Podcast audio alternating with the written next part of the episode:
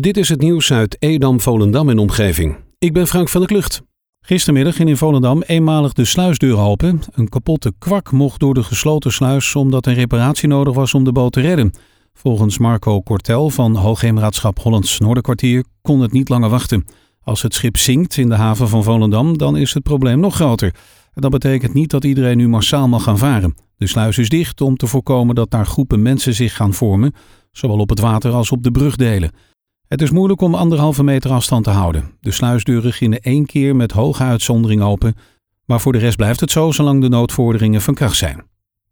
Op de Hofweg in Ipendam is gistermiddag een fietser gewond geraakt bij een aanrijding. Een bestuurder van een dienstvoertuig van het Hoogheemraadschap wilde de fietser op de smalle landweg passeren, maar dat ging mis, waardoor de fietser op het wegdek belandde en verwonding opliep. De bestuurder van de auto kwam er pas tientallen meters later achter dat hij mogelijk iets had geraakt. De fietser is per ambulance afgevoerd naar het ziekenhuis. In de gemeente Zaanstad en Purmerend zijn de afgelopen 24 uur opnieuw enkele coronabesmettingen vastgesteld. In Zaanstad werden bovendien drie nieuwe patiënten in het ziekenhuis opgenomen. In totaal is het virus nu bij 755 inwoners geregistreerd en moest er 248 personen in het ziekenhuis worden opgenomen. In de regio overleden 87 inwoners aan de gevolgen ervan. De overige gemeenten melden dat de afgelopen 24 uur geen nieuwe ziektegevallen of ziekenhuisopnames gemeld worden. In Edam-Volendam staat het aantal besmettingen nu op 82 en er werden ook 21 bewoners in het ziekenhuis opgenomen. Dennis Schellekens speelt ook komend seizoen voor Kras Volendam. De doelman en de Volendamse handbalvereniging zijn mondeling akkoord over een verbintenis dat hem tot medio 2021 in sporthal Opperdam houdt. De 29-jarige Utrechter speelt al sinds 2015 voor de club. Met het aanblijven van Schellekens krijgt de selectie voor het nieuwe seizoen steeds meer vorm.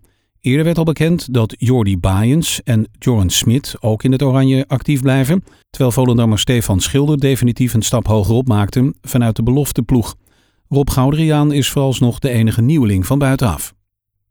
PX wordt waarschijnlijk het nieuwe vergadercentrum van de gemeente Edam-Volendam. Eind mei wordt het voorstel voorgelegd aan de raad. In juni zal dan een besluit moeten worden genomen. De keuze voor PX houdt in dat er eenmalig 350.000 euro nodig is voor de aanpassingen. De huur per jaar, inclusief catering, zal uitkomen op 32.000 euro. Indien de wens van het gemeentebestuur gevolgd wordt, zal niet alleen de grote zaal van PX, maar ook het tienercentrum of het creativiteitslokaal ingezet worden. Een 34-jarige man is gisteren in Zaandijk aangehouden bij een autocontrole. Agenten zagen de man rijden en spraken hem aan op het rijden door oranje, oftewel eigenlijk bijna rood. Hij bleek nog 390 dagen gevangenisstraf te moeten uitzitten. Hij was bij afwezigheid in de rechtbank veroordeeld voor mensenhandel. De 34-jarige automobilist is daarop meegenomen naar het bureau in Zaandijk. Hij zal binnen 10 dagen worden overgeplaatst naar een gevangenis waar hij dus zijn straf kan uitzitten. Tijdens een kleine plechtigheid maandagmiddag aan het begin van het Oorgat in Edam vond een scooterrijder in een licht okergeel windjack met capuchon het nodig om de herdenking te verstoren. Hij kwam daarbij ten val toen hij de afzetting omtrapte. De jongen wordt ongeveer 17 jaar geschat. Als u informatie hebt over deze persoon en het kenteken van de scooter weet, dan moet je even contact opnemen met de politie 0900 8844. De spelers van FC Volendam gaan maandag 11 mei weer in kleine groepjes trainen. Vanwege het coronavirus hebben de voetballers bijna twee maanden thuis hun conditie op peil moeten houden. De club heeft een programma opgesteld waarin blokken toegewerkt wordt naar de mogelijke start van de nieuwe competitie in de tweede week van september.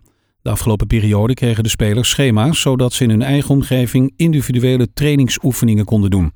Voor eind juni, begin juli staat een vakantieonderbreking van twee weken ingepland. Voor het bouwen van het gemaal in Monnikendam zijn ze bezig met een kabel- en leidingwerkzaamheden. Deze werkzaamheden voeren ze in twee fasen uit en duren tot en met eind augustus. Om de werkzaamheden veilig uit te kunnen voeren is het noodzakelijk om het fietspad aan de westzijde af te sluiten voor brom- en fietsverkeer en dat om te leiden via de oostzijde. De beide bushaltes blijven wel bereikbaar via oversteek Hoggedijk. Tot zover het nieuws uit Edam, Volendam en omgeving. Meer lokaal nieuws vindt u op de Love Kabelkrant, onze website of in de app.